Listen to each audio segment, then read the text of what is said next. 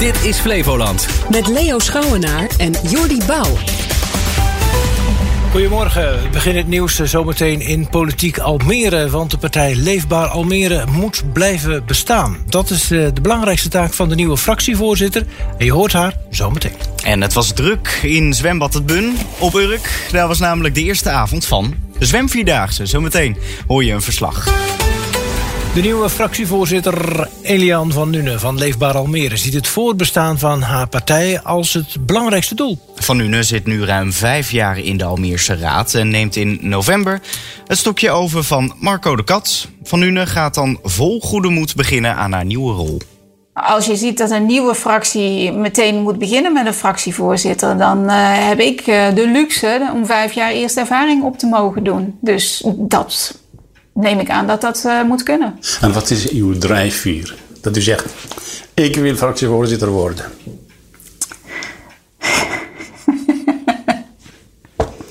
en toen was het stil. Ja, weet je, ik weet. Ja. Um, niet. Het is gewoon een hele mooie eer. En uh, um, ik, ik doe het het langste van de groep die, uh, die hierna uh, doorgaat met leefbaar.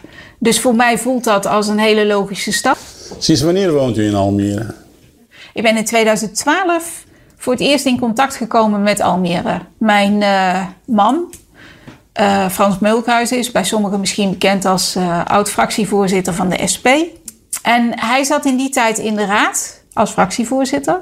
En ik was zelfstandig vrouwelijk ondernemer. Vrouwelijk in deze uh, belangrijk, omdat uh, uh, ik lid was van Federatie Zakenvrouwen. En die hadden in 2012 hun congres in Almere, omdat Almere een vrouwelijke burgemeester had en drie vrouwelijke wethouders.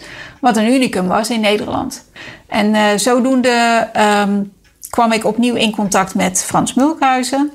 Um, en zijn wij weer samen opgetrokken. 2015, omdat hij in de raad zat, konden we overal in Nederland wonen als het maar in Almere was. dus ik ben naar Almere gekomen. En wat wilt u bereiken? Uh, nou, met deze nieuwe functie de, uh, voort, het voortbestaan van Leefbaar Almere. Dus uh, uh, op een goede manier van deze periode weer door naar de volgende periode. Dat is, dat is één. Dat vind ik, dat hoort bij het fractievoorzitterschap. Um, wat ik persoonlijk wil bereiken is het, het goed uit deze energietransitie komen. Um, en daarbij dus alle Almeerders meenemen op een manier dat het voor alle Almeerders ook gewoon betaalbaar is. Dat was de nieuwe fractievoorzitter van Leefbaar Almere, Elian van Nuenen. Het was druk gisteravond de zwembad Het Bun op Urken, want de 15e editie van de Zwemvierdaagse ging van start. Met 600 man. 3, 2, 1, ja! Doe maar, zwemmen jullie! Veel plezier! Precies om 6 uur sprongen ze in het water. Vooral kinderen doen dit jaar ook mee aan de Vierdaagse op Urk. Maar het feest is voor jong en oud, zegt Stefan Meun-Visser van zwemclub Urk. Als je jonger bent, uh, jonger dan 12 jaar, dan mag je 10 baantjes zwemmen. En ben je wat ouder, dan mag je 20 baantjes zwemmen, dat is 500 meter. Dat doen we in het Westrebad. Als ze dan klaar zijn, ja, de ouderen zullen misschien uh, wat minder energie over hebben. Maar die jongeren die mogen dan nog in het recreatiebad het laatste beetje energie eruit gooien deden er vorig jaar zo'n 550 mensen mee aan het evenement. Dit jaar zijn het er ruim 50 meer en die konden natuurlijk niet allemaal tegelijk in het water. We moeten nog even wachten totdat het rustiger wordt. En is het lang wachten? Nou, niet zo lang. Het gaat om de minuut, wordt er weer zo iemand ingestuurd. Officieel mag je van de KNZB alleen in het diepe als je diploma A hebt. Maar er doen ook hele kleine kinderen mee aan deze zwemvierdaagse. Sommigen die komen met 1 en 2-jarigen. Nou, die hebben natuurlijk nog geen diploma. Maar zolang die goed in de banden zitten en de vader en moeder zitten naast, dan uh, moet dat geen probleem zijn. Voor die tien baantjes is het alleen maar leuk om dat dagje, dat avondje uit uh, mee te maken. En sommige toezichthouders doen ook even voor hoe dat moet zwemmen. Ik ben ook uh, zwemleraar, ja. Ik probeer wel dus een klein beetje tips te geven aan, uh, aan sommige mensen. Wat is de belangrijkste tip? Uh, niet verdrinken. Hebben jullie er al tien gehad? Nee, nog lang niet. Nog eentje, nog één keer heen en weer. Leuke ervaring. Het is niet alleen zwemmen, je doet ook andere dingen. Huh? Nou ja, straks in het bad hiernaast. Oh ja, dan mag je ook nog eens gratis eh, in het leuke bad. Wat is daar zo leuk aan? Nou, gewoon daar heb je glijbanen en gewoon, ja, het is wat warmer. En hebben jullie al lekker gezwommen? Ja, super. Ja, wat is er zo super aan? Nou, gewoon lekker met de kinderen even eruit zijn. Hoeveel hebben jullie er? We hebben vier kinderen. Ja. En is het nou elk jaar dat jullie hier naartoe komen? Nee, dit is onze eerste keer. Ze wil weg, hè? Ze heeft er genoeg van, geloof Ze ik. wil eh, naar het grote, naar het warme zwembad. En ze heeft het koud. Ja, ze wil op de glijbanen. en Maria? Vind jij het? Ouders van grotere kinderen, die zie je hier niet. Die vinden het fijn om in de herfstvakantie even vrij te zijn. Nou, die zijn al lang blij dat ze van die kinderen weer af zijn. Die zijn nu thuis? Die zijn nu thuis, ja. ja. Maar die leveren ze hier eh, keurig af en die halen ze ook weer op. Dus dat is allemaal, eh, allemaal geregeld. Ja, maar wij zijn met de kinderen, dus wij zijn één met de kinderen. Ja, wat heb je gisteren gemist op radio en tv? Begin op de radio, daar heb je het programma Vijf Dagen. En die sprak met schapenboer Wilco Kemp over het blauwtoonvirus. De ziekte raast nu door Nederland en doodt elke dag honderden schapen. Bij de dieren van Kempen werd eh, zes weken geleden het virus vastgesteld. Hij was de eerste in Nederland en is er nog dagelijks mee bezig. Een paar jaar geleden hebben we ook blauwtong gehad. Ik heb toen wel op slachtoffertjes gehad toen, maar het heeft niet echt heel indruk op me gemaakt. Maar dit is gewoon echt totaal anders. Er zijn nog een kleine 80, denk ik, 90. Maar het waren er 350. Iedere dag een paar. Dat is de top eh, 20 op een dag. En als je snel zegt, dan maakt het niet zo indruk. Maar 20, eh 20 beesten naar huis toe halen, dode beesten, eh, dat eh, gaat niet in je koude kleren zitten. En het duurt ook al zo lang, weet je wel. Iedere dag in, dag uit ga ik de polder in om dode beesten op te halen. Het virus heeft een enorme impact op zijn bedrijf. Het was eerst drie takken, was ons bedrijf een beetje. Dat is de melkkoeien, de andere tak was de, de schapen en een tak natuurbeheer. Dat draaide gewoon hartstikke mooi. Dus ja, ik heb wel zorgen hoe, we dit nu gaan managen volgend jaar. Ja, en het jaar erop ga ik weer terug naar hetzelfde aantal koppelschapen die ik nu heb. Ik ben, ook eh, bijna 60. Ja, het duurt toch weer drie, vier jaar voordat je, als er enstof komt, voordat je het weer op niveau hebt. Gaan we naar de televisie. In Nieuwsuur ging het over de twee Israëlische gijzelaars die door Hamas zijn vrijgelaten. Dat gebeurde na bemiddeling van Qatar. Hoogleraar Joodse studies Bart Wallet vertelde waarom dat land zo'n belangrijke rol speelt. Qatar eh, is de, de plek waar het, eh, het politieke bureau van Hamas eh, op dit moment gevestigd is. En Qatar heeft ook Hamas de afgelopen jaren met, met honderden miljoenen gesteund. En dit is eigenlijk politieke overlevingskunst van Qatar om te laten zien van wij kunnen nu iets terugdoen. ehm, eh, om te voorkomen dat, dat het Westen zich tegen Qatar gaat keren vanwege dat eh, Hamas-kantoor. Eh, en ja, nu te laten zien van wij zijn eigenlijk een hele belangrijke politieke speler in, eh, in de regio en in de wereld. Eh, en wij kunnen nu mensen vrij krijgen. Ook ging het over het bezoek van premier Rutte gisteren aan de Palestijnse president Abbas en de Israëlische premier Netanyahu. Volgens Wallet krijgt Netanyahu van westerse leiders een berenomhelzing. Een omhelzing waarbij je eigenlijk heel nauw de ander tegen je aangedrukt houdt. eh, en, heel erg zegt van besteunen je. Maar tegelijkertijd daar eigenlijk ook de, de, de manoeuvreermogelijkheden van de ander beperkt. Eh, en nou, dat is wel wat, je, wat je ziet. Dat eh, eigenlijk Amerika, maar ook de Europese Unie. Die zijn nu eigenlijk die steun aan het uitspreken. Vooral naar buiten toe. Hè, en dan binnenskamers wordt gezegd. Ja, maar Israël. eh, en we willen echt wel dat, eh, die, eh, dat grondoffensief, als dat er gaat komen. eh, eh, echt minimaal eh, humanitaire schade eh, heeft. Want daar zijn we wel echt erg bezorgd over. En dat was gisteren op radio en TV. Het is deze week 25 jaar geleden dat Tollebeek werd opgeschrikt door grote wateroverlast. Alle overvloedige regen in Noordoostpolder stroomde naar het laagste punt. En dat is Tollebeek. Kelders stroomden onder, straten stonden blank en akkers veranderden in meren. Deze week blikken we terug met vijf hoofdrolspelers uit die tijd. We beginnen vandaag met Gerrit Bijker. Hij was 25 jaar geleden de man die het gemaal bij Tollebeek bemande. En hij herinnert zich de ramp nog goed. S'nachts werd ik opgebeld. Nou, en het, eh, van het bedrijf belde mijn bed was maar, dat er iets los was dat, met die regen. Met die regen. Toen reed ik hier zo achterweg. Er was allemaal water hier voor. Ja, die duiken die kon hier ook niet meer verwerken, want die buis loopt hier onderdoor. Ik wist dat er iets los was met het water. Nou ja, het bleef maar regen, bleef maar regenen nou. En, eh, en toen ook op een zaak, ook die, al die zandzakken hier naar kiepauto met zand. Hier naartoe brengen, alle collega's bij elkaar roepen. Want ja, er waren man of, man of 15, 20 waren wij wel ermee bezig. Ik het moest gebeuren. Ja, want je denkt, eh, zien dat ik het de baas wordt. Dat en je doet je best. Ja, de- verder heb je niks te denken. Dat is je werkzaamheden. Je kan wel zeggen van dit en dat. Het kan niet en wat. Maar het moest zoals het moest. Zoals het wou. Nou, zo dat ik wou zijn. Maar het is me gelukt ook nog. Om het spul eh, nou, goed draaiende te houden.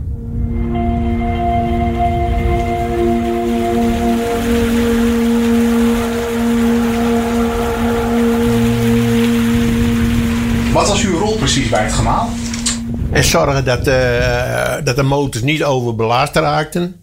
Maar dat is ook zo. Je moet continu moet die stand 2 draaien om dat water maar weg te krijgen. En eh, nou ja, die werkzaamheden. En echt, echt ook die, die zakken ook geregeld over die zakken heen stampen en lopen. Om dat zand naar beneden te houden. Kijk, dat die zakken goed afsloten. Hoe lang bent u ermee bezig geweest? Ja, al met al? Nou, een week denk ik. Wel, ja, ik woonde zo'n beetje daar, daar in het gemaaltje woonde ik. Maar, de, de buurvrouw en, en mijn vrouw die brachten mij er eten. Ja goed, je wilt, je wilt je werk niet in de steek laten. Nou, had ik daar, nou, dan deed ik er wel eens even, sliep ik daar wel eens eventjes. Ik was er eigenlijk 24 uur per dag met het gemaal bezig. Eh, ja, een mooie tijd. Moest heel wat gebeuren. En ik heb het eh, nou, met plezier gedaan. Ja, het is eh, heel, heel leuk. Spannend. Echt spannend, hè? Je moet het water de baas weten. Nou, je bent de natuur bij direct niet de baas. Maar dit hebben wij wel gewonnen. Gerrit Bijker, die tijdens de grote wateroverlast bijna 24 uur per dag het gemaal bij Tollebeek draaiende hield. Het is deze week 25 jaar geleden dat Tollebeek werd opgeschrikt door grote wateroverlast. Alle overgevloedige regen in Noordoostpolder stroomden naar het laagste punt, Tollebeek. Kelder stroomde onder, straten stonden blank en akkers veranderden in meren. Ook het land van boer Edwin Tichelaar stond blank. Na 25 jaar raken de beelden van het overs- overstroomde land hem nog steeds. dat emotioneert me eigenlijk toch nog wel weer. Ehm, kijk, die herinneringen zijn er wel. Alleen als je die beelden dan weer ziet, dan komen ook wel heel veel herinneringen weer terug. En ehm, ja, aan de ene kant is het natuurlijk eh, redelijk dramatisch om te zien eh, dat alles onder water staat. Aan de andere kant eh, zie je ook veel bekende en soms ook on- onbekende voorbij komen die op dat moment wel komen helpen. En dat is ook wel bijzonder.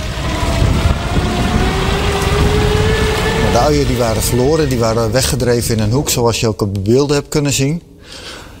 De suikerbieten zijn uiteindelijk eh, tijdens een vorstje gerooid. En de witlof hebben we nog heel lang tegenaan zitten kijken van kunnen we ze nog oogsten? Eh, en wat zal dan de kwaliteit zijn van de witlof om ook eh, bij de tuinder te verwerken? Uiteindelijk zijn die blijven zitten. Ook het waterschap kon niet vertellen hoe hard het ging stijgen, hoeveel het ging stijgen. Dus ga je op een gegeven moment toch maar maatregelen nemen om de oogst die je wel binnen hebt in elk geval te redden. Want wij wisten niet hoe hoog het water zou komen en of onze aardappelen nou weer veilig lagen. En met man en macht, midden in de nacht door. Toen hebben we inderdaad eh, s s'nachts eh, gewoon continu doorgewerkt. En je wist niet hoe snel eh, het zou gaan stijgen en hoe hoog het zou komen.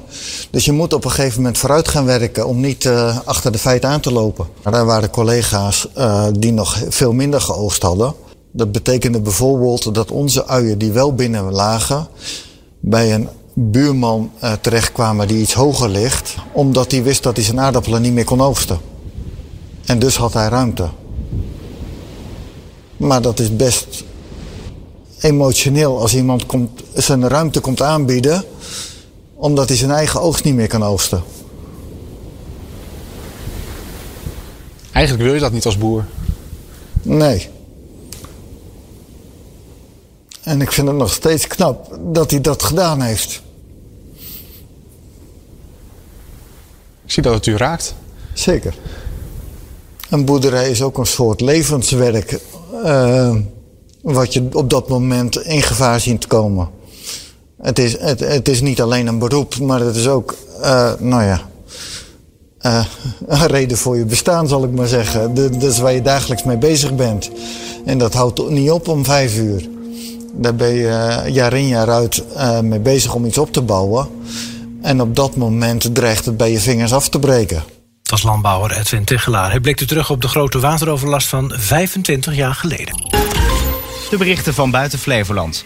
De door Hamas vrijgelaten gijzelaars zijn gisteravond laat per helikopter naar een ziekenhu- ziekenhuis in Tel Aviv gebracht, melden Israëlische media. De vrouwen verlieten afgelopen avond onder begeleiding van het Rode Kruis de Gazastrook. Correspondent Nasra Habiballah. Het gaat om twee eh, oudere dames van 79 en 85, melden Israëlische media. En die zouden bij de grens met Egypte afgezet zijn. Volgens een verpleegkundige lijken ze in goede gezondheid te zijn en hebben inmiddels hun families weer gezien. Egypte en Qatar zouden hebben bemiddeld bij de vrijlating. Volgens Israëlische media zijn de onderhandelingen over de vrijlating van zo'n 50 andere gegijzelden ver gevorderd, maar Hamas ontkent dat. Voor Ajax begint de zoektocht naar een nieuwe trainer. Gisteren werd Maurice Stijn na vier maanden ontslagen vanwege de slechte resultaten. Analist Rafael van der Vaart verwacht niet dat er nu ineens veel gaat veranderen. Natuurlijk eh, zal er een andere trainer komen, dan komt er weer wat nieuwe energie en dan win je wel een paar wedstrijdjes. Maar ja, Ajax heeft wel een groter probleem als alleen maar een, eh, een, een, trainer, zeg maar. En eh, ik hoop dat het weer wat beter gaat, maar ja, de spelers veranderen natuurlijk niet. Dus eh, ehm, ja, kampioenskandidaat, dat eh, zijn we voorlopig eh, zeer zeker niet. Voorlopig staat assistent Hedwiges Maduro uit Almere voor de groep. Die krijgt meteen een pittige week. Donderdag speelt Ajax tegen Brighton en zondag tegen PSV. En die staat wel aan kop. Ja, nou, spannend hoor. Ja.